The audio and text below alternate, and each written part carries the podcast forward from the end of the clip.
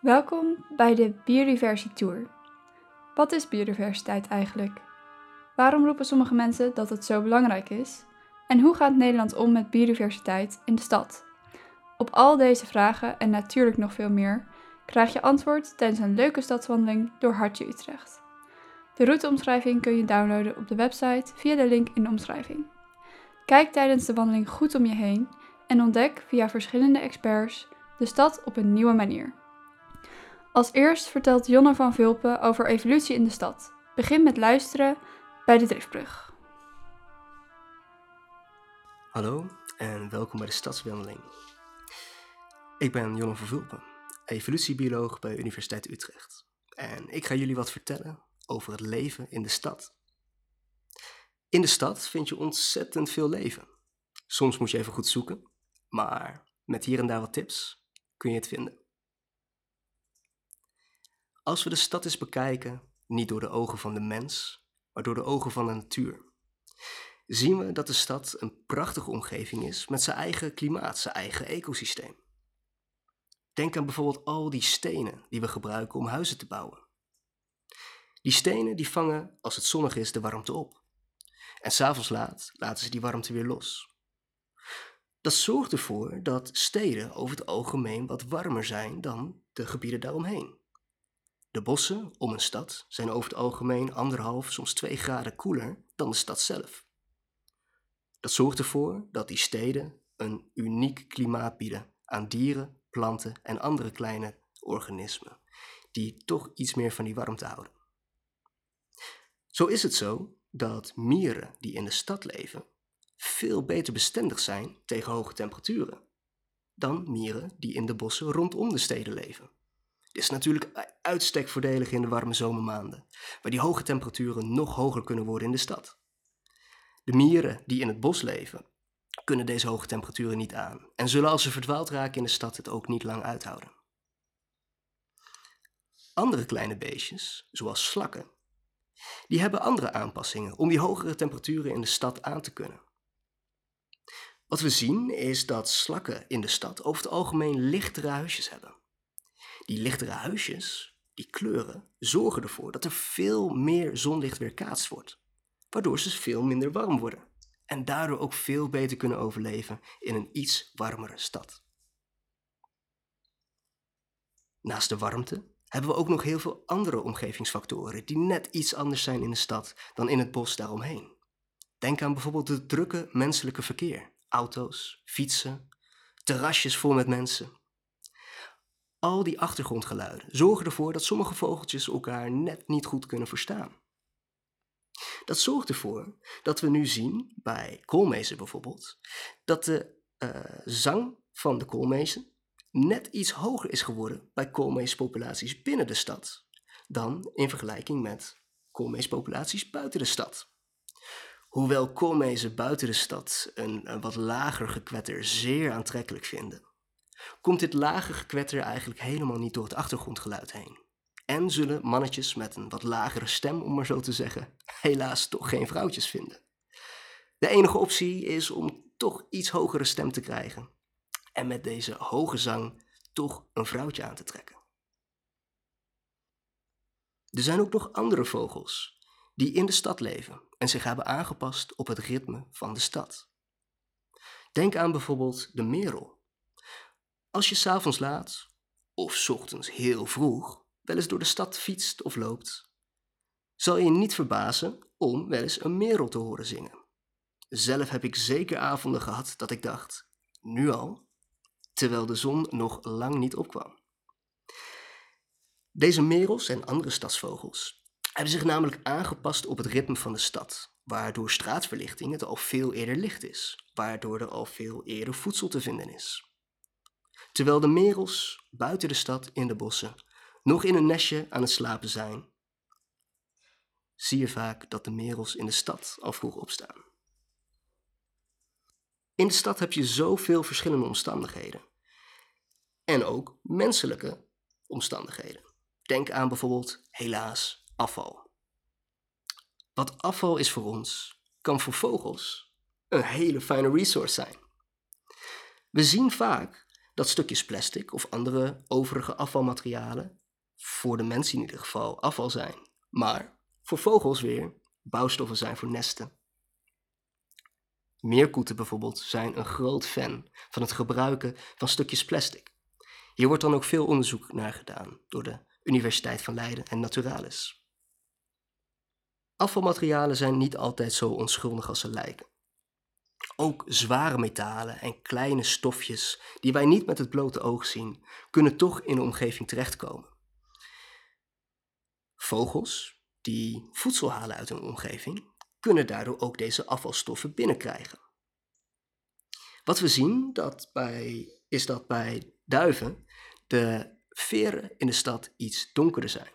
Dit komt ook omdat deze duiven de afvalstoffen die ze via de voeding binnenkrijgen kunnen opslaan in die donkere veren. Op die manier zullen die afvalstoffen veel minder lang in het lichaam blijven. En dus ook veel minder kwaad kunnen in deze stadsduifjes. Die stadsduiven die zijn perfect aangepast op het leven in de stad. Als we namelijk even gaan kijken naar waar die stadsduiven eigenlijk vandaan komen, dan krijgen we een hint over waarom ze zo goed zijn aangepast aan onze prachtige steden in Nederland. De stadsduif van vandaag is eigenlijk een verwilderdere versie van de uh, getemde duif, de postduif om maar zo te noemen. Die hebben we pak een beetje 500 jaar voor Christus al getemd, gedomesticeerd noemen we dat. En gebruiken we als zowel voeding, gebruikten we toen de tijd voornamelijk als voeding, en tegenwoordig vooral in de hobbysporten en heel af en toe nog als postduif om leuke boodschappen naar elkaar te sturen. Deze duif kwam voornamelijk voor in zijn oorspronkelijke habitat rondom de mediterraanse kustgebieden. Deze oorspronkelijke duif noemden we de rotsduif. Deze rotsduiven die gebruikten kleine spleetjes in deze hoge rotsen om een nest in te bouwen. En je kan je voorstellen, met enige creativiteit, dat deze grote rotsen een klein beetje leken op de gigantische stenen gebouwen die we vandaag de dag in Utrecht zien. Deze duiven zijn dan ook qua lichaam uitstekend aangepast op het leven in de stad. Hun evenwicht is ontzettend goed en met hun pootjes kunnen ze heel goed op richels lopen, zoals wij die in de stad vaak op de gebouwen zien. Naast de duiven zijn er ook zeker nog andere dieren die zich uitstekend hebben aangepast op het leven in de gebouwen die we als mens hebben gebouwd hier in Utrecht. Tijdens deze wandeling komen jullie ook langs een gigantisch hoog gebouw met een vreemde UFO erin. Dat gebouw noemen we de Inktpot.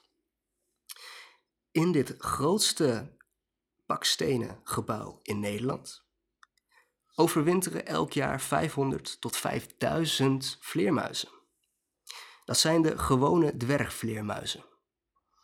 Dat zijn zulke kleine vleermuisjes dat ze op het voorste kootje van je duim passen. Als ze de vleugels natuurlijk hebben ingeslagen. Het leuke is dat je die ook zeker tijdens de lente- en zomermaanden rond kan zien vliegen, in de avonduren voornamelijk, rondom dit gebouw. Niet om te overwinteren, maar om alvast even te kijken of dit een fijn plekje is om überhaupt te overwinteren. Ze komen van heinde en verre. Niet alleen dieren hebben zich uitstekend aangepast op het leven in die gigantische rotsen van hun huizen die wij hebben gebouwd. Er zijn ook planten die uitstekend groeien op deze structuren. Als de wandeling jullie zometeen langs wat schaduwrijke en vochtige plekjes brengt, denk aan bijvoorbeeld de Oude Gracht en andere grachten en singels, let dan eens op de muren die dicht bij het water te vinden zijn.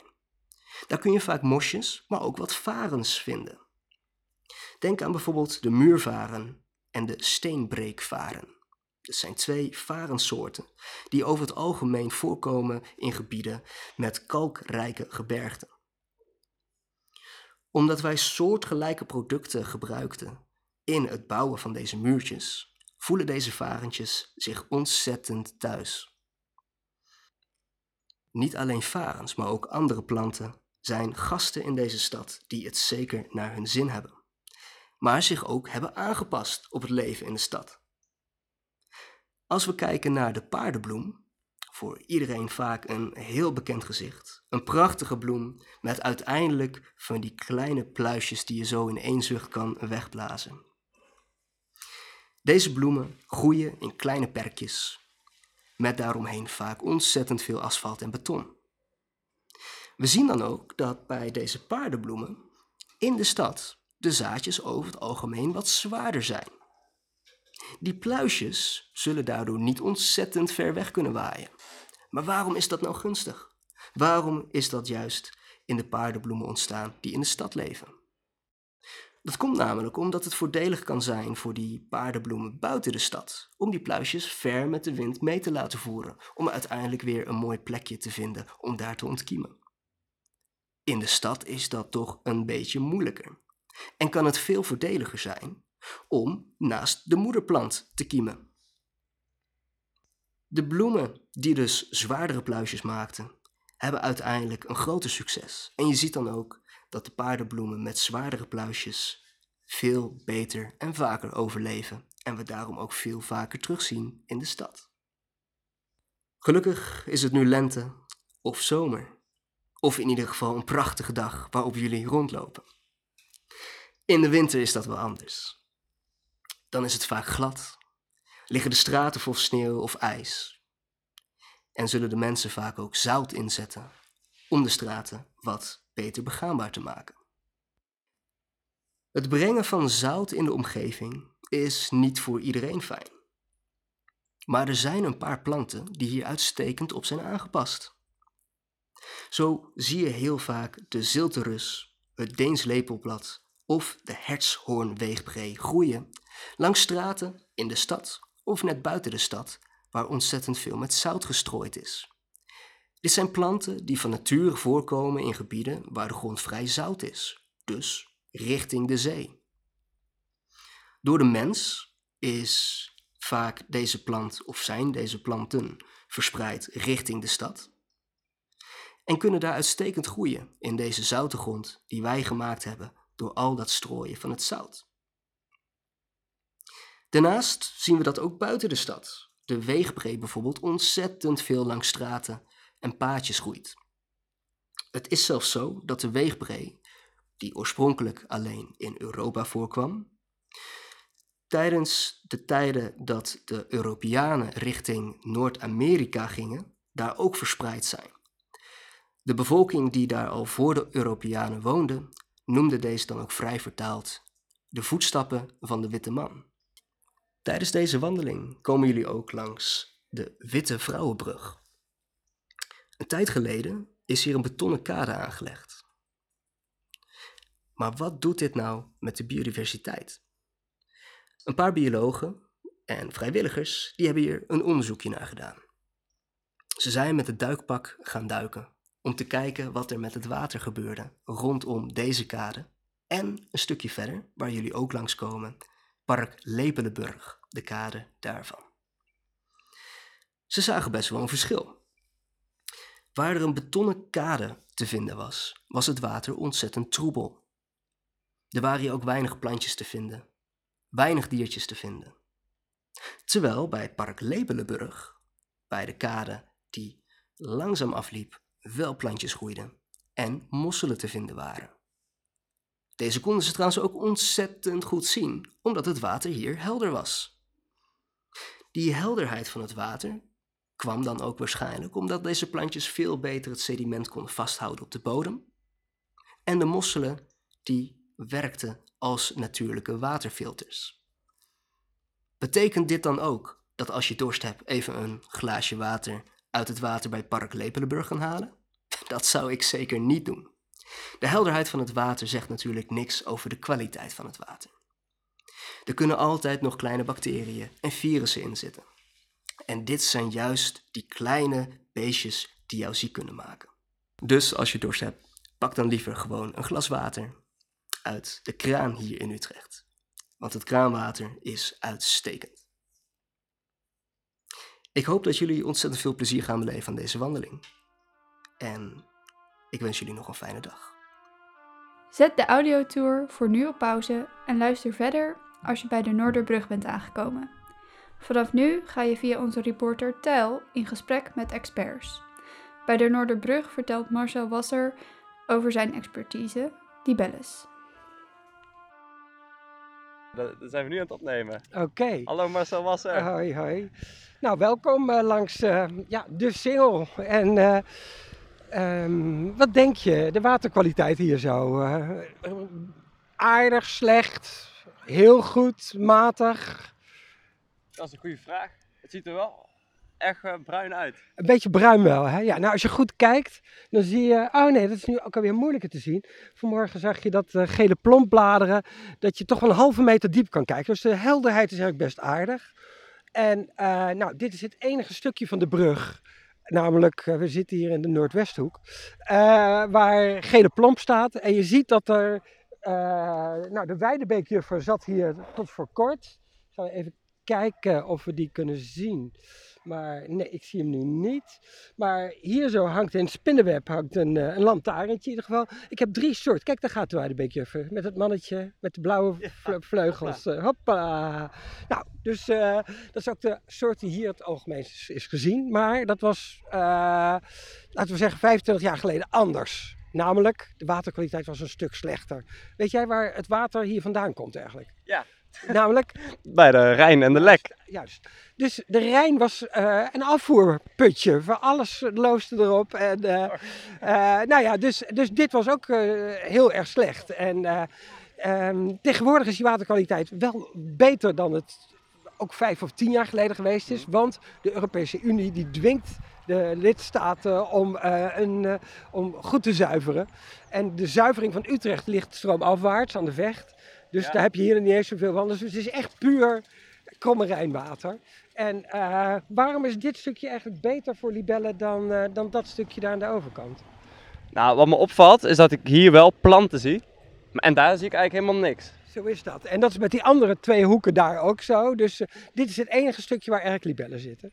Oh. En, en voor de rest zijn er eh, de steile randen. En het is helemaal afgetimmerd eigenlijk. Dus eh, ja, er is ook weinig kans om eitjes af te zetten voor de, voor de libellen. Er zijn weinig kansen om eh, ja, te schuilen als larven. Dus, ehm, dus dit is een heel welkom stukje eigenlijk. Ja. En bij de Schouwburg en, en daar ligt een, eh, een stukje, eh, zijn eilandjes gemaakt. En die drijven, daar ben ik er vandaag ook even geweest. En nou, hier drie soorten, daar zaten vijf soorten. en eh, twee waren gemeenschappelijk, dus er zijn zeven soorten. En toen ik vanmorgen opstond, zat er in de tuin ook nog een vroege glaasmaker. Hopla. Hopla, dus acht soorten. In totaal zijn er hier in de omgeving 15 libellensoorten gevangen. En dat zou je eigenlijk niet verwachten, toch? Want Nee. eh, het is gewoon midden in de stad. Dus, eh, dus dankzij de waterkwaliteit die, wat die verbeterd is. En in dit geval planten die er of van nature staan. Of die als bakken worden neergezet. Want dat En zijn, dan- dat zijn die eilandjes. dat zijn die eilandjes waar dan eh, planten op zitten, waar ei afgezet kan worden, maar ook larven kunnen zitten. Dus, eh, dus eh, onverwacht, toch nog best rijk eigenlijk de biodiversiteit van, eh, van Utrecht langs de Singel. Oké. Ja. En, en, en wat, zou nou, wat zou je nou makkelijk kunnen doen? Of minder makkelijk om nou al die soorten die, die, die, die terug te krijgen? Om die, die waterkwaliteit te verbeteren? Ehm, ja, dan moet je toch eigenlijk, ja, zuiveringsmoerassen worden het wel eens genoemd. Eh, eh, nou ja, dat je ondiepe stukjes hebt waar heel veel planten staan en daar kunnen ook eitjes afgezet worden en die larven voorkomen. Dus dat zou goed zijn. En die eilandjes die er t- nu zijn, die zijn al best aardig. Die worden, zijn vastgelegd tussen twee palen. En eh, ja, daarmee krijg je ook weer extra eh, ruimtelijke variatie. Want ja, sommige soorten hebben daar niet zo behoefte aan, andere wel. En ik heb ook nog één beest meegenomen. Kijk eens even wat, eh, wat ik bij meegenomen heb. Oh, ja, eh, we gaan even kijken. Wat zijn het? Oh, dan moet ik even kloeren. Allemaal, ik zie allemaal kleine schaatsenrijders. Juist, inderdaad. Dus eh, die hebben wat minder die, die, die planten nodig. Maar alhoewel dat ook wel een beetje een schuilplaats is. Kijk, hier zitten volwassen. Oh ja, die is wel een stuk groter. Ja, en, en die andere zijn de larfjes. Dus, en het rare is dat die schaatsenrijders, die hebben eh, oppervlaktespanning nodig. Als je veel zeep erin gooit, dan gaat die oppervlaktespanning eraf. En dan zakken ze door het water heen en dan gaan Oei. ze dood. Dus eh, ik woon langs de Minstroom, hier Mhm. een kilometertje vandaan. En eh, dat was vroeger een stuk waar veel gewassen werd. Ja. Dus het zou kunnen wezen dat daar eh 100 jaar geleden, zeg maar, voor die schaatsenrijders onmogelijk was. En nu heb ik ze daar wel gevangen. Dus, eh, Oh, dus ook een stukje vooruitgang. Hoe het nog beter zou kunnen. ehm, ja, je zou Die liefst. beschoeiing, Die beschoeiing, ja. Maar Ja. Het, het is natuurlijk een heel groot conflict hier zo. Oh, Want eh, aan de ene kant wil je rijk waterleven hebben. Aan de andere kant wil je ook dat die straten niet verzakken, bij wijze van spreken. nee. Dus, eh, dus vandaar dat het eigenlijk noodzakelijk is. Want ja, het is hoeveel meter zit er tussen? Daar is ja, zo'n vijf meter links en rechts. Dus je kan hier als gemeente kan je weinig doen om die, die beschoeiing weg te halen, denk ik. Oh ja. Maar goed, die, die steile oevers van exoten, zoals rivierkreeften en de, en de, en de ratten, Ja. Die krijgen weer makkelijker vat. De muskusratten. Zo, nou ja, die muskusratten kunnen hier ook niet inboor, eh, eh, in, want eh, het is allemaal harde oever. Dus eh, Echt dicht timmen. ja, maar die rivierkreeftjes zitten inderdaad op de bodem ook, Ja. in de modder en die lopen rond. En, en hier een stukje verder, stroomafwaarts, heb ik richting Sluis, heb ik wel een keertje tientallen eh, rivierkreeftjes. Amerikaanse rivierkreeftjes, uit het water zien komen op die... eh, op, eh, wat voor dag het was, weet ik niet meer, maar ze hadden zin om een eindje te wandelen. Dus je ziet ze hier niet, maar ze zitten er wel. Kijk, goed verstopt in het bruine water. Zo is dat. Ja. Die boten vind ik zelf geen groot probleem. Want, Nee? eh, nou, nee. Dat, kijk, als er heel veel waterplanten zouden zijn, dan, ja, dan zou het misschien anders zijn. Maar ja, die, die boten maken niks echt kapot. Ze varen niet al te hard. Dus de golfslag valt mee. En eh, ja, dus dat, eh, dat moet kunnen. En die golfslag, die, eh, daar, kunnen, daar, daar verstoort die plant of zo. Dan worden ze uit de grond getrokken. Zo is dat. Als het echt grote boten zouden zijn, Oh, dan wordt die golfslag groot. En dan worden de planten losgewrikt, die, de weinige die er zijn. Ja, Ja. ja. Is echt het belangrijkste wat ze nu kunnen doen voor die waterplanten. Dat zijn eigenlijk die eilandjes. Zo is dat, ja.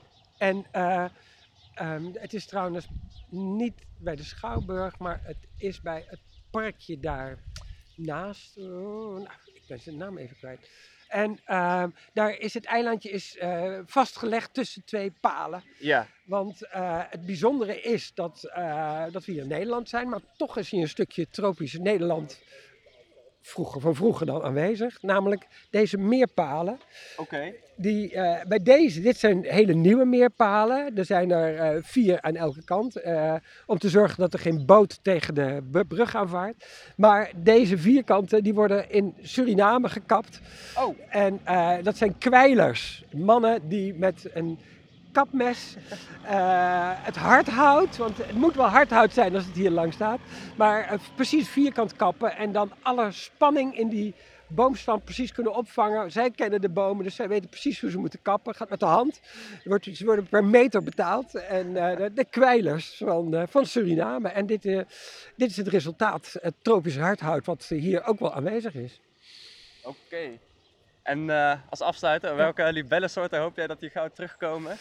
Ja, ja, ja. Eh, ehm, eh, de, de beekrombout ben ik eigenlijk nog wel heel geïnteresseerd in. Die zit wel bij bovenstrooms bij, laten we eens even kijken, eh, kasteeltje. Nou ja, daar hebben we een paar larfhuidjes gevonden en tegenwoordig worden er ook wel volwassen beesten gezien. Dus Kijk. ik verwacht dat ja, maar dat is dan eerder de kromme Rijn waar die in de single uitkomt. Waar dat, dat, dat, dat is genoeg gevarieerd en eh, daar zou die eventueel terug kunnen komen. Maar dat zou wel erg leuk zijn, dat is zeker waar. Want wat zijn de echte de eigenschappen van zo'n water waar, die dat beest nodig heeft? Nou, eh, zuurstof, stromend water. Nou ja, en dit stroomt hier wel, maar niet zo heel erg hard. Maar dat komt omdat het vrij breed is. Hoe smaller het is, hoe harder het stroomt. En eh, eh, ze moeten zich kunnen ingraven in de bodem, in de modder of in het zand. Ja. En ze moeten een goede plek hebben om eh, uit te komen. En theoretisch zouden zelfs deze stijlwanden geen probleem hoeven te zijn. Want Oh. ze kunnen recht, recht overeind. Maar ik denk dat wat planten om zich tussen te verschuilen ook wel beter is. Nou, Oké, nou nou, dan weet eh, de, de gemeente waar ze moeten letten. zo is dat. nou, bedankt Marcel. Oké, dan eh, ja, een prettige dag nog. Op naar de volgende stop van de tour. De volgende stop is het Griffpark. Pauzeer de audiotour totdat je daar bent aangekomen. Ecoloog Rick Busink vertelt over wat er allemaal te zien is en wat er allemaal invloed heeft op biodiversiteit in een park. Hallo jongens, we zijn hier in het Gifpark met Rick Busink. En hij gaat ons wat leuks vertellen. Ja, ik ga jullie wat leuks vertellen. Ik ga eventjes eh, voor de wind staan, want het waait hier wel een klein beetje. Maar het zonnetje schijnt hartstikke mooi, dus het is super warm. En we staan hier echt in een, ja, een super mooi bloemrijk veldje met uh, ratelaars, overal boterbloemen, uh, een beetje kale plekjes af en toe tussendoor. En nou, voor de meeste mensen die in het giftpark komen is het waarschijnlijk ja, de gewoonte om een lekker kaal stukje gras uit te zoeken en daar in het zonnetje te gaan liggen. maar je kunt hier heel veel andere dingen ook doen en zien.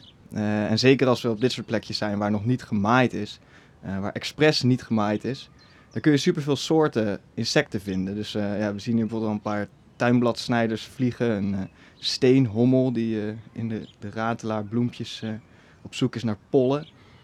En al die beesten die zitten hier dus omdat er een ander maaibeheer wordt gevoerd dan in andere stukken van het giftpark.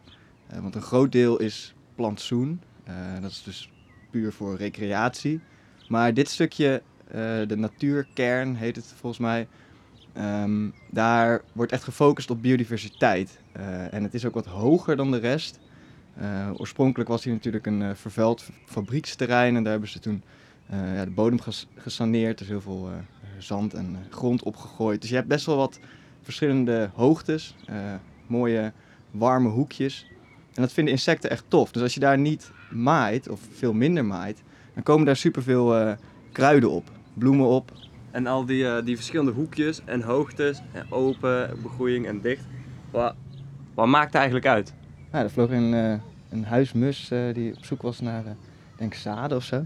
Ja, het maakt heel veel uit voor insecten, want bijna alle insecten hebben wel een ja, specifieke voorkeur voor een, een micro-habitat, heet dat dan. Um, dus een leefgebied. En dat heeft vaak ja, een beetje variatie nodig. Dus als we een voorbeeld nemen aan bijvoorbeeld zandbijtjes Andrena's zijn dat, die, ja, die hebben zowel veel bloemen nodig, vaak specifieke bloemen, um, afhankelijk van de soort. Maar ze hebben ook ja, stukjes uh, kaal zand nodig, vaak op een hellinkje, om hun nest te kunnen maken. dus je moet eigenlijk zorgen in zo'n gebied, als je biodiversiteit wil creëren, veel biodiversiteit wil onderhouden, dat je een beetje ja, heterogeniteit hebt in het gebiedje. Dus veel afwisseling. En dat creëer je door niet overal op hetzelfde moment te maaien. Dan blijft er ook nog genoeg bloemaanbod aanwezig en hebben insecten plekken om te schuilen. Um, maar je kunt ook bijvoorbeeld af en toe eens een stukje nou ja, afgraven of een poeltje aanleggen. en in Utrecht wordt dat heel goed gedaan. ze hebben daar echt een. het is niet voor niets volgens mij de, de gemeente met de hoogste, beste beheer voor bijen van Nederland. In 2020 volgens mij uitgeroepen. Um, want ze, ze focussen echt op uh, ja, dat soort stukjes uh, uh, stadsnatuur. En, maar, ja, wat, wat maakt daar dan uit? Want ja, we hebben ook de Veluwe en andere natuurgebieden. Hier zou je net zo goed ook kunnen voetballen of zo. Door gras is ook gewoon groen. Ja, ja, nee, dat is zeker waar. Ja, je kunt uh, uh, zeker, je zou hier best wel goed kunnen voetballen, denk ik. Behalve dat het een beetje schuin loopt. Maar ja, trapt er wel wat plantenstuk. Maar dat is ook wat je vaak ziet. Uh, zeker als je minder vaak maait. dan komen dus meer bloemen op. En dan zeggen mensen ineens, hé, hey, er is gemaaid en alle bloemen zijn weggemaaid. En dan nou ja, kun je denken, dat is toch slecht voor de bloemen. Maar nee, ze zijn opgekomen eerder al. En dat is al uh, een bijdrage aan de biodiversiteit, een bijdrage aan het, uh, nectaraanbod voor bestuivers. En als je vaker maait, dan hebben die bloemen niet eens de kans om op te komen. Dus zodra ze een beetje op laat komen, dan merk je al dat mensen het eigenlijk veel mooier vinden um, dan een strak grasveld. Uh, en ze in één keer geschrokken zijn als het allemaal weggemaaid is. Maar inderdaad, de Veluwe, ja, je hebt natuurlijk grote natuurgebieden in Nederland die ook wel goed nou ja, worden echt onderhouden voor natuur natuurlijk, niet alleen voor recreatie. Uh, en zo'n stadspark en bermen in, in steden en gemeentes en langs wegen, die hebben natuurlijk ook veel andere functies. Dus die bieden niet alleen een plek voor biodiversiteit, maar moeten ook nog dus recreatie bieden of nou, overzichtelijk zijn. Zo, zoals bij een snelweg bijvoorbeeld, moet je natuurlijk ook zicht hebben. Um, maar ook daar kun je door gewoon wat minder, eigenlijk minder tijd, minder geld in te stoppen, best veel vegetatie op laten komen, best veel bloemen op laten komen. En dat is eigenlijk een win-win, want het is nou, goedkoper. Eh, het ziet er mooi uit als je veel bloemen hebt. En het is goed voor de biodiversiteit. En eh, dat is ook goed voor ons. Het is zeker ook goed voor ons. Ja, ja, ja.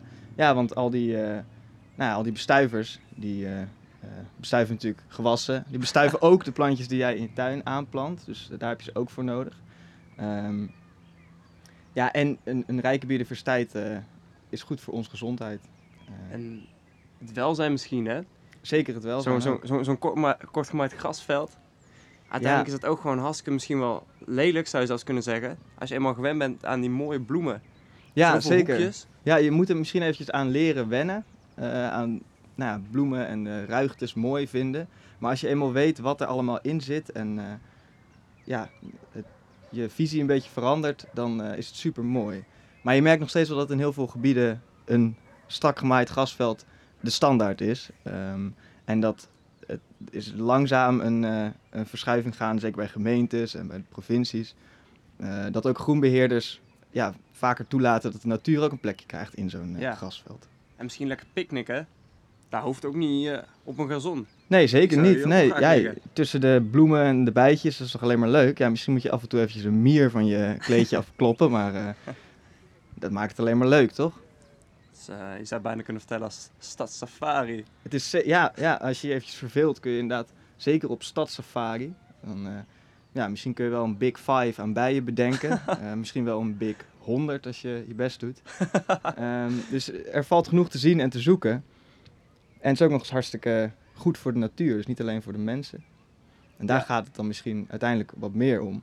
Want ja, kijk hier verder, als je tussen de bomen door kijkt, uit op een wel wat strak gemaaide grasland.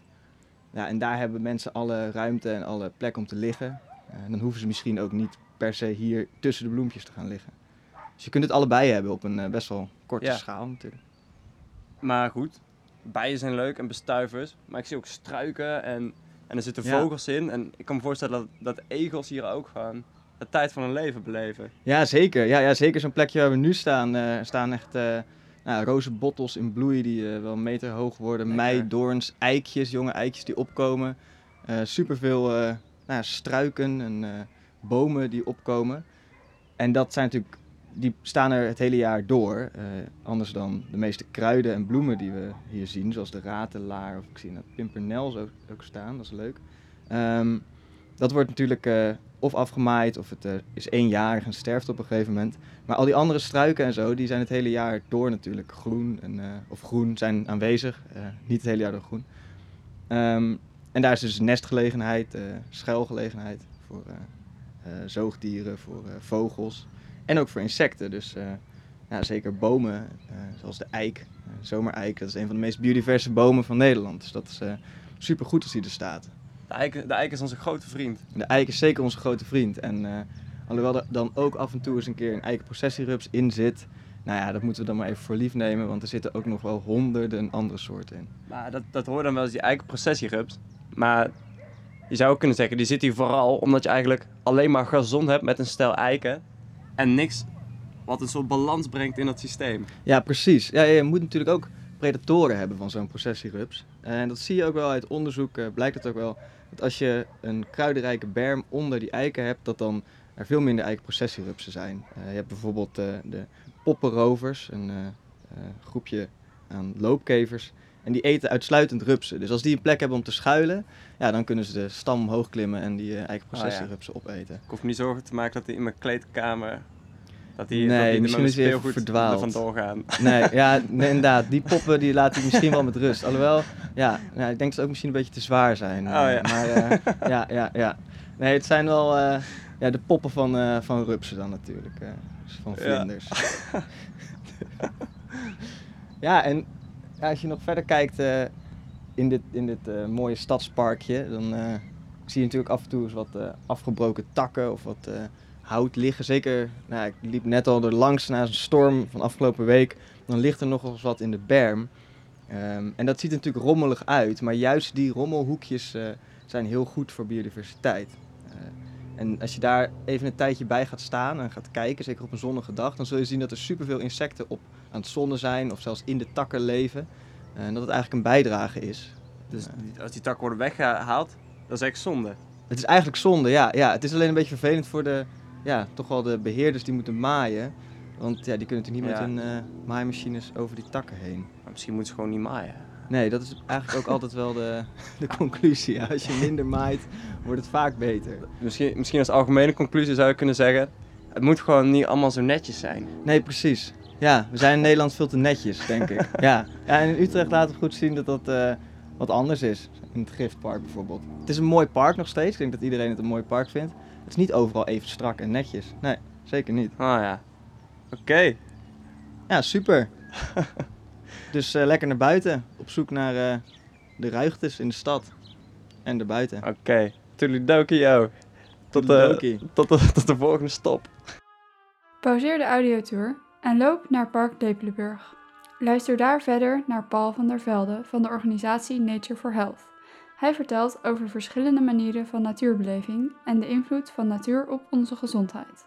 Dit doet hij aan de hand van zijn ervaring en gevoel bij natuur. Hallo, we zijn in het Vredenburg Park. Lepelenburgpark. Oh, nee, in het, Le in het Lepelenburg Park. Met Paul van der Velde. Hallo, Paul.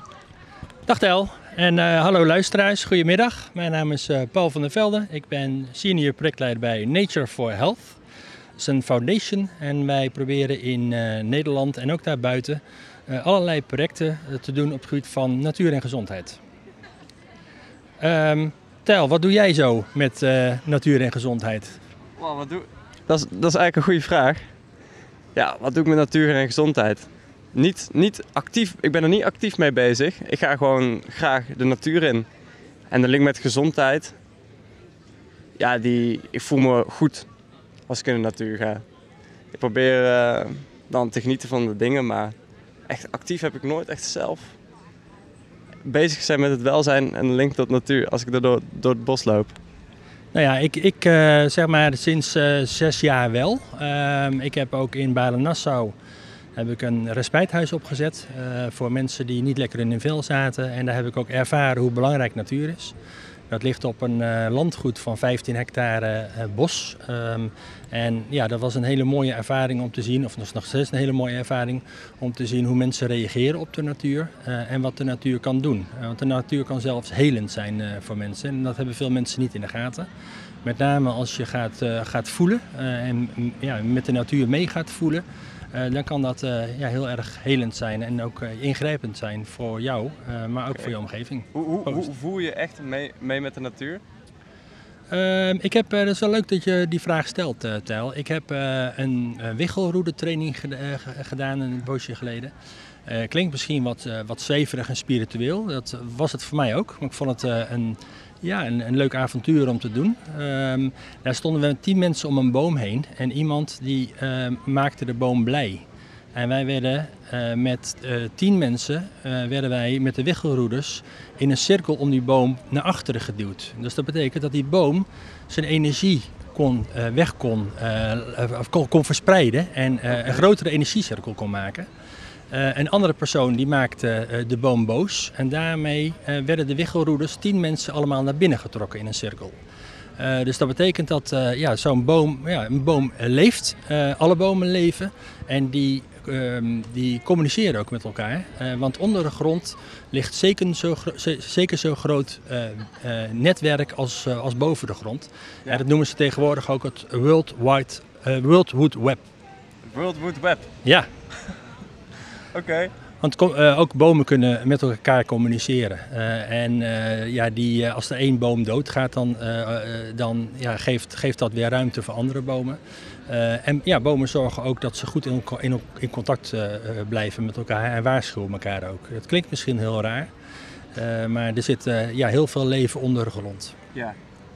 En dat kunnen wij dus ook voelen. Ja, als je inderdaad heel spiritueel bent en heel erg gevoelig bent, kan dat. Eh, en ja, het, het mooie was dat je met name dat met die wiggelroede kan je zien wat voor effect dat heeft. Eh, ik wandel zelf ook veel. Ik probeer eh, minimaal één uur per dag in de natuur te zijn. Wow. En dan, ja, dan merk ik ook dat ik daar ja, vitale, vitaal van blijf eigenlijk. Ja. Want zo'n wiggelroede, ja, het, het is, je moet het misschien zelf een beetje invoelen, maar toch gaat het wel ergens heen. Ja, zeker. Eh, en ja, nogmaals, ik stond er ook eh, van te kijken. Eh, maar je ziet gewoon, je merkt ook dat, ja, dat, en dat, ja, dat zie je, dat voel je ook in de natuur, dat bomen met elkaar kunnen communiceren. Kijk, als je kijkt naar, even kijken, pakken we even die bomen daar. die, zitten, die, die, die staan met 6, 7, 8 bomen bij elkaar. Die staan ook hier geclusterd. Deze boom die staat redelijk solitair. Dat is ook een grote boom en die heeft veel meer ruimte nodig. Dus die deelt ook geen andere bomen naast zich. Tel, ik heb even een vraag, want zometeen komen er een aantal mensen hier eh, langs, hè, zo'n dertigtal Ja. van de Nationale Jeugdraad. Eh, als jij, als jij zeg maar, deze bomenrij ziet zo, hè, eh, er staat een lelijke groene container, een afvalcontainer, Ja. maar, maar wat, wat, wat, wat zie jij aan die bomen? Ga, probeer daar eens een, een verbeelding bij te, te maken. Deze, bo deze groep bomen. Ja. Nou, ik zie eigenlijk gewoon een soort, een soort poort. Ik zou, ik zou erbij, ik word helemaal, ik voel me aangetrokken om daar doorheen te wandelen. Dat, dat, dat is het voornamelijkste. Wat, wat voel ik nog meer? Pff, dat is lastig om te zeggen. Ik vind, ik vind de schaduw vind ik fijn. Oké.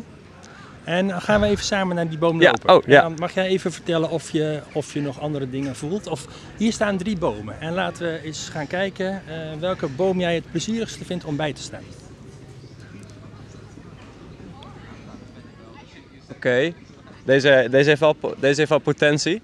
Gaan we die andere ook nog even Ja, dat is proberen? goed. Ja, zeker. We lopen nog even vind deze wel leuk. De, de, heel, die, heel die bast is bezet met korstmos, maar dat heeft, Ja. dat heeft deze ook. En wat, wat gaat er nou door je heen als je zo naar boven kijkt? En of naar beneden kijkt? Ja, ik vind het gewoon mooi. ik, ik heb niet echt een actieve gedachte, maar ik, ik, ik vind het gewoon... Ja, het voelt gewoon goed of zo om bij zo'n Ja, bij en weet je zo'n wat voor groot dit organisme te staan. Weet je wat voor boom dit is? Ja, een soort esdoorn. Ja, volgens mij is het, is het een esdoorn of een... Volgens mij is het een eik. Nou, die, die, kijk, die, hier zo, die staan een blaadje dichtbij. Zo, Ja. na- zo naast elkaar. Heel een beetje bijna als Nee. een vorm van een... Ik denk dat jij gelijk hebt. In een ik hand denk dat zo? het een esdoorn is inderdaad, Oh. ja. Oké, Ehm, ja, en het, eh, zeker nu, hè, ik ook, zeg maar, eh, dat was eh, ook na corona, voor corona, Mhm. en, of eigenlijk tijdens corona, maar ook nu is het gewoon heel erg belangrijk om vaak de natuur in te gaan. Lekker de wind, de wind door je haren. Ook, ik ben net even daar gelopen naar, daar is eigenlijk een soort gracht om het park heen. ja. En dan zie je nog veel meer, dan, dan voel je nog veel meer effect. Misschien dat we daar even heen kunnen Oké. lopen, Tel. En dan mag jij even aangeven wat je dan ziet. Wat zie ik hier? Nou, ik zie hier gewoon een hele mooie eh, vegetatie. Het fluitkruid, een scherpe boterbloem, donker ooievaarsbek. Ja, ik vind het mooi. Ik heb zin om het gewoon aan te Ik heb zin om alles vast te pakken. Ook die schors van net, ik deed eigenlijk niet, maar ik wil het eigenlijk even zo, zo voelen gewoon. Ja, nou ja, ik eh, roep ook alle luisteraars op om dat ook eens te doen. Hè. Ik heb inderdaad hier nu ook een blad in mijn hand. Ik zit daar gewoon een klein beetje aan te voelen. Eh, maar dat geldt ook voor de boterbloemen. Je, eh, je plukt niet al te veel, maar je mag best wel even wat, eh, wat afplukken. Met name als er genoeg van is, om te voelen wat het is. Maar als je nou wat verder weg kijkt, Oh. Tijl, wat, wat, wat zie je dan?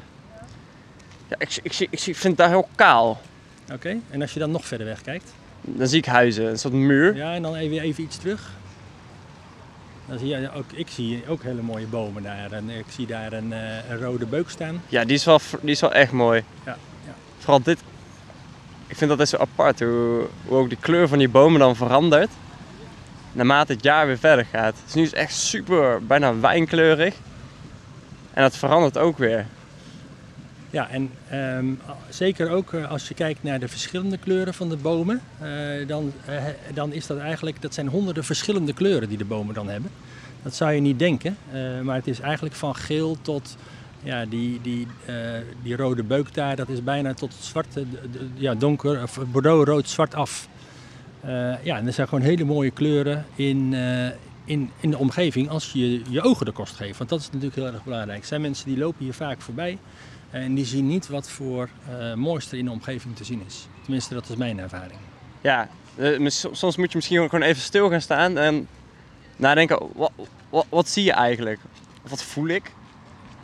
Nou ja, dat, dat woord voelen vind ik belangrijker dan het zien. Hè? Want het is natuurlijk ook heel belangrijk om het eh, eh, eerst te zien en dan te voelen. Eh, en ja, daarvoor mag je ook, en dat geldt ook voor degene die nu aan de, bij de podcast eh, eh, meeluisteren. Je mag ook, ook gewoon eens even je ogen sluiten. Eh, ga desnoods even tegen een boom aanstaan of tegen een boom aan zitten en kijk eens even wat het met je doet. Oké. Wil je dat ook even doen, Tijl? Nou, ja, is goed. nou, pak jij even jouw favoriete esdoorn. Even kijken. We lopen nu even naar de, naar, ja, twee esdoorns, dus je mag er eentje kiezen. Ja, ik vind de- deze voel ik wat meer. Ja, met een Met vogelhuis. een vogelhuis. Nummer 3 En die wortels zijn hier ook zo helemaal... Dan wil ik even opstaan zo. Ja, Tijl gaat nu even op een wortel staan. Ik ben benieuwd of, wat, Ah. de, wat, de, wat de boom daarvan vindt. Volgens mij vindt de boom het goed. Want Ik, ik word nog niet weggetrapt. Nee, nee, nee, nee. Volgens mij vindt de boom dat ook heel erg goed. Nou, Tijl doet zijn ogen dicht. Mooi om te zien hoe die in verbinding komt met, eh, met de natuur, met de boom. Ik zie dat Tijl ook echt eh, ja, zijn rust pakt. En ook eh, geniet van het moment om ja, staan tegen de, leunend, leunend tegen de boom. ook een dankjewel te zeggen voor, tegen de boom. Ja, dankjewel boom. Het is toch wel een beetje spannend zo. Beetje ogen dicht. En wat voel je? Ja, dat is, wat, wat voel ik? Dat vind ik altijd een lastige vraag. Wat gaat er in je om dan? Ja, gewoon comfort. Comfort. Oké. Ik vind het gewoon, wel, wel gewoon lekker, lekker chillen hier. Oké. Ik vind het gewoon fijn Want bij, je, doet- bij je- de boom. Ja, want je doet je ogen dicht, hè? Voel je dan meer dan als je je ogen open hebt? Nou, ik merk wel, ik zit hier met mijn rechterhand zo helemaal, dat pak ik zo dat schors vast hier. Zo. Als je dan je ogen dicht hebt, dan, dan, dan ga je andere zee- zintuigen, die, die worden wat scherper ineens. Oké, dat is mooi dat je dat zegt. Ja, nee, het is, ik, het is een andere belevingsvorm. En, en is dat de eerste keer dat je dat zo doet, uh? Ja. Of dat vaker gedaan? Nee, nee, dat heb ik nog nooit gedaan. Oh, dus dat is een unicum. Ja, Hartstikke leuk, gefeliciteerd. want ja, ja, om bij de bomen te blijven, jij doet ook de klaagboom. Ja, ik heb in een project gedaan, in, eh, doe ik nog, eigenlijk nog steeds in Tilburg. Eh, daar hebben we ehm, Nature Walks and Talks, met name voor eh, jongeren, om die, ja, wat wij nu ook doen, hè, om de natuurervaring Mhm. ervaring te laten beleven. Ehm, en daar hebben we ook een, een grote eik uitgekozen, samen met een aantal studenten van, Ja. eh, van Fontes. En eh, ja, daar hebben ze, mochten, mochten ze allemaal verschillende kleuren posters opplakken met eh, dingen die zij kwijt wilden aan de, aan de natuur. Dus over het leven. Dus sommige mensen zeiden van ik moet er vroeg opstaan. Anderen zeiden van ik zou graag een vriendje willen hebben. Eh, dus ja, dat, dat zijn. Of, of, het gaat niet goed tussen, tussen mij en mijn vriendje. Dat was Oh. volgens mij zeg maar de relatie. Dus en ik, ik baal van het leven. Dat waren ook eh Oh. één of twee mensen die dat eh, erop hadden gezet. Ik vind de studie niet leuk.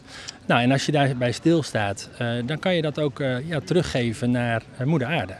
En ook ja, teruggeven aan de kosmos. En zorgen dat er andere energie in je komt. dat je ja, daar een positieve wending in maakt.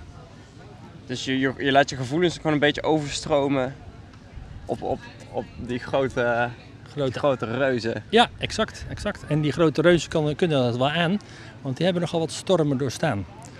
Eh, en het belangrijkste is ook dat je jezelf bevrijdt eh, van eh, zeg maar de zorgen die je hebt. Dat geldt voor mij ook. Als ik een drukke dag heb gehad, dan pak ik of de fiets of ik ga lekker wandelen. Ik woon zelf in het zuiden van het land, midden in de bossen. Dus dan is het echt heerlijk om Oh ja, ja. een half uurtje, een uurtje te, gaan, te gaan lopen. En ik kijk in een aantal bossen, daar kom ik geen mensen tegen. En nou ja, dat is voor mij een hele fijne ervaring. Oké, en wat zijn dan eh, als afsluitertje gewoon een paar tips om optimaal de natuur te voelen of te verbinden met de natuur?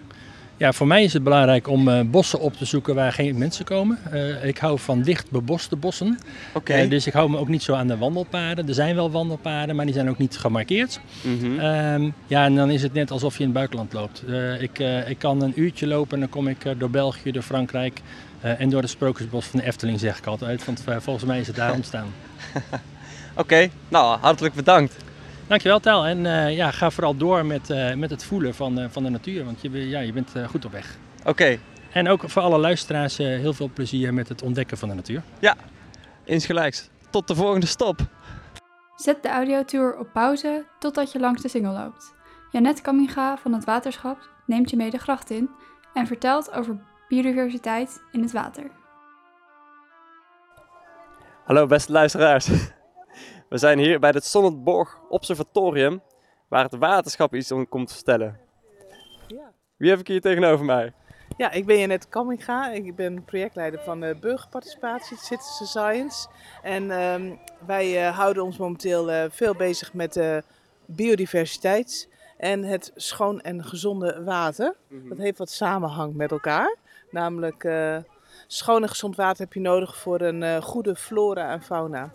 De diversiteit aan eh, planten en dieren heb je nodig om een goede waterkwaliteit te krijgen. Oké.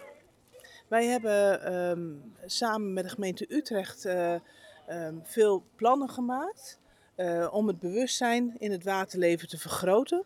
De visdeurbel is daar eentje van.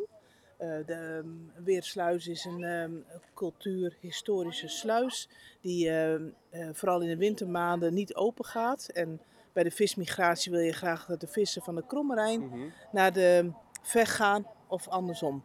Want daar, En- begint de, daar komt water vandaan. Ja, de waterstroom van de Kromme Rijn door de grachten naar de eh, Vecht. En ehm, de vissen migreren van de Vecht naar de Kromme Rijn om zich voor te planten. En oké, die migreren. En wat ik me dan altijd afvraag, hoe heet zo'n beest of zo? Waar, welke afslag je moet nemen of waar die naartoe moet. Ja, dat is denk ik allemaal eh, gezond verstand. Of b- die vissen die eh, doen het ook op intuïtie. En ehm, ehm, zij, eh, ehm, eh, bijvoorbeeld een aal zwemt van de Kromme Rijn naar de Vecht toe. Ja. En een snoek zwemt andersom. Dus het is een beetje wisselend van eh, ehm, ja, de type vis. En eh, die camera die daar in het water hangt, die signaleert ook vissen.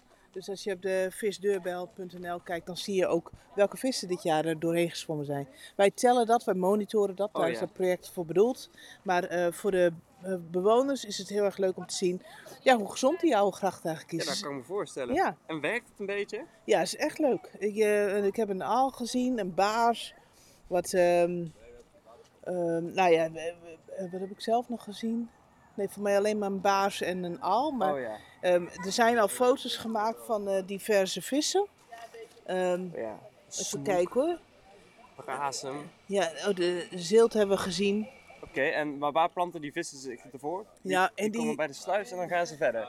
Ja, ehm, Utrecht heeft als nadeel dat de oevers heel erg steil zijn. Ja. En eh, vissen hebben eigenlijk heel eh, een beetje water nodig en heel veel waterplanten om Oh, zich voor te planten.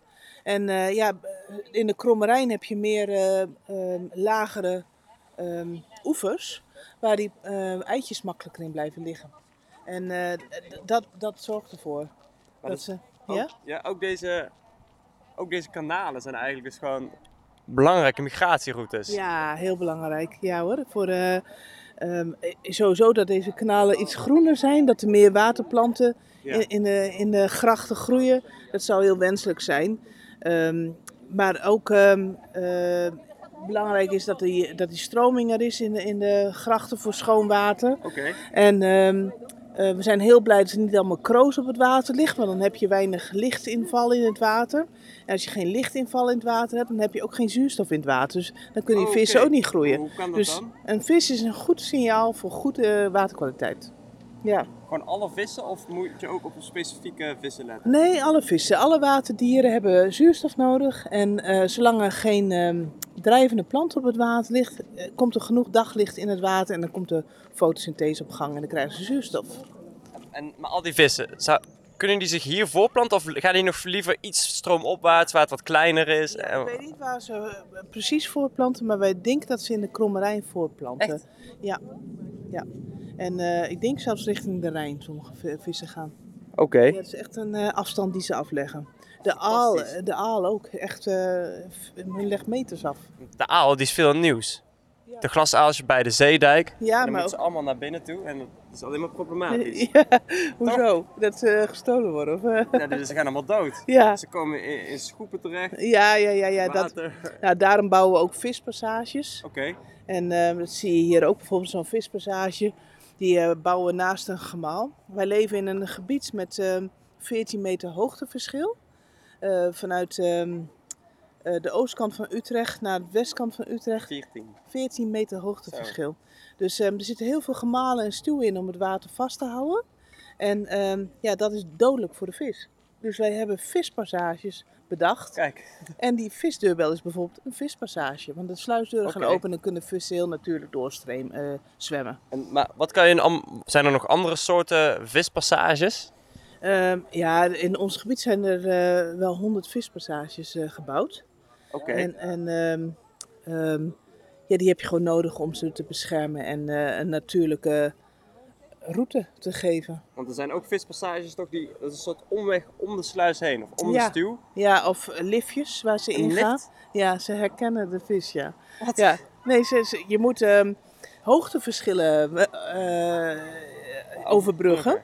En ehm, ja, soms tegen de stroom in. Dus je moet een systeem hebben waar die vis toch de ruimte krijgt. Maar niet dat jouw eh, huis onder water loopt. Dus je moet wat Nee. bedenken.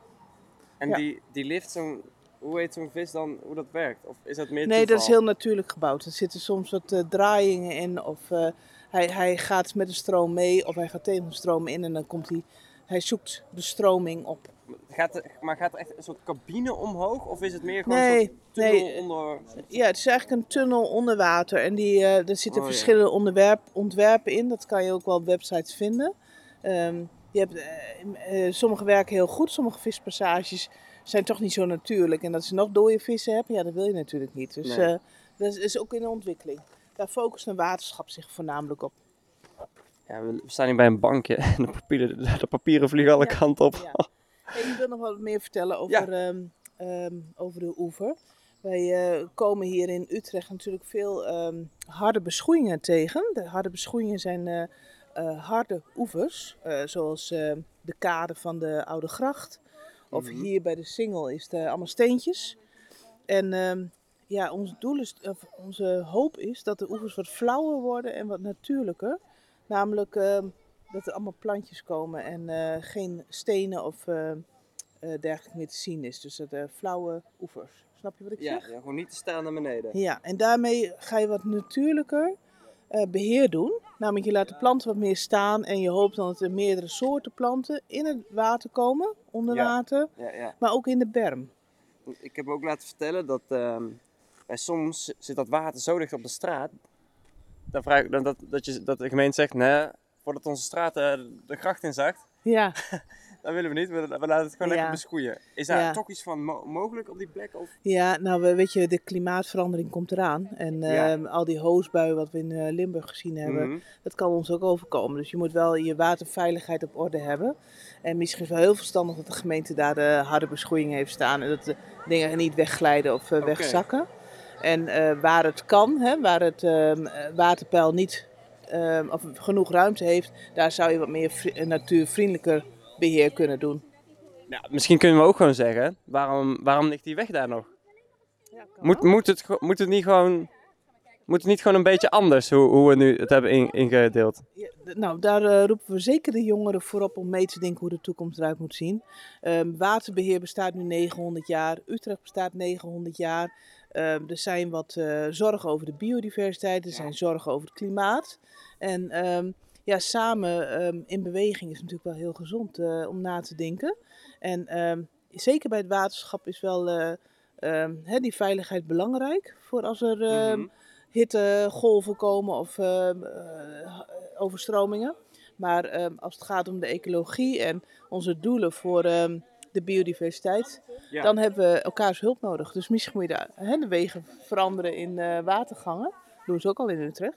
Maar ja, we zijn er wel mee eh, bezig. Het kost veel tijd en geld. En eh, Ja. daarmee heb je niet altijd de garantie dat alles herstelt. Maar eh, ideeën zijn altijd welkom. De, de, de, de gracht heeft eigenlijk superveel functies. Het, is, het is geen leuke vaargeul. Het is een migratieroute. Ja, Het- eh, een buffer voor misschien of- klimaatverandering ja. om, om water op te zoeken. Ja, water ik op te zou slaan. niet te veel eh, varen in de gracht. Zeker niet gemotoriseerd. Nee. Nee, dat is niet zo bevorderlijk voor de natuurlijke ontwikkeling. Maar goed, dat eh, willen mensen ook. En ze willen ook steeds meer zwemmen in eh, natuurlijk Mhm. water. Dus met elkaar moeten we daar een balans in vinden. Net zoals in de ecologie moet je ook balansen vinden. Dus misschien moeten we gewoon een beetje af van hoe we nu naar de gracht kijken. Dat is misschien de belangrijkste Ja. boodschap. Ja, en eh, vroeger werd de gracht gebruikt voor het vervoer van middelen. Mhm. En nu moet je misschien moet je gewoon niet op een, genieten op dit bankje om naar het water te kijken en al die plantjes te Ja. Ja, zien groeien. Misschien gewoon meer natuur, zodat je ergens het water in kan en het niet meteen uitmaakt als je wordt vertrapt. Want er is heel veel. Ja, er is heel veel. In Ja. ieder geval, er kan Mooie heel veel komen. je er verschillende bloemen staan. En prachtig. Ja. Ja, ja. Nee, heel goed. En waar En, en we kunnen... zijn nog op zoek naar de otter, hè? We zijn op zoek naar de otter. Ja, we hebben een, een aantal dieren die we hopen dat we met elkaar herkennen. Ja. En eh, de otter is er één van. En als je de otter signaleert in Utrecht, dan kan je wel zeggen dat het goed gesteld is met de biodiversiteit. Want die leeft van diverse planten en die moet ook grote watersystemen hebben die goed met elkaar verbonden zijn. En hij moet overleven, hè? al die gemalen Ja. en eh, sluizen. Dus eh, hij, is, hij is gevonden in Amsterdam. ja, ja, en eh, meerdere plekken hoor. Groningen ook, weet En de ik. grote wie steden weet. komt hij gewoon. ja, ja, dus dat is wel hoop dat wij hem ook tegenkomen. Ja, En waar kunnen de jongeren zich melden als ze graag willen meedenken? Nou wij hebben ehm, ehm, bij het waterschap eh, zijn veel functies voor jongeren. Maar ook ehm, als je mee wil kijken naar de waterkwaliteit, dan hebben we ook een eh, app gebouwd, Meet je waterkwaliteit. Mhm. En die kan je vinden op de HDSR-site. Bij eh, HDSR Hoogheemwaterstichting Rijnlanden. En ehm Meet je waterkwaliteit is een app. En dan kijk je eh, op verschillende manieren naar het water. Je gaat de wa- ook de diepte van het water. Maar ook de diversiteit aan planten in het water. Planten op het water. Planten in de oever. Ehm, je kijkt om je heen of je nog zwerfafval ziet liggen. Want zwerfafval in het water, dat eh, bevordert de biodiversiteit Oh, ja. niet. En dan weten jullie een beetje wat de staat is. Ja, wij hebben daar een, eh, samen met de Universiteit van Wageningen en STOA is een eh, landelijk bureau, hebben we een ecologische score ehm, Oké, gaan- of, ehm, gewoon opgesteld. opgesteld. En, En, die, eh, eh, die mensen kunnen dat zelf ja, dat kan je zien op de website. En de ja, jongeren kunnen dus ook lekker hun mening laten horen. Ja. Kijk, zeker, zeker. Jullie we hebben een jeugdraad, dus eh, meld je Oh. aan. Ja, meld je aan. ja. Top. Heb je nog een eindboodschap? Nou, het is samen genieten van de, de biodiversiteit, denk ik. En ik hoop dat we in de komende jaren nog veel mogen ontwikkelen. En ik weet dat de gemeente Utrecht open staat voor mooie plannen. En ik denk dat we elkaar nodig hebben om eh, steeds creatiever te Ja. worden. Top. Dus laat je vooral horen en deel je mening. Ja, is goed. Doei. Dankjewel, fijne dag. Hopelijk heb je van de tour genoten. Wij hebben in ieder geval veel plezier gehad met het maken ervan. Wil je meer weten? Kijk in de omschrijving voor de link naar onze socials. Heel erg bedankt voor het luisteren. Toedeledokie, yo.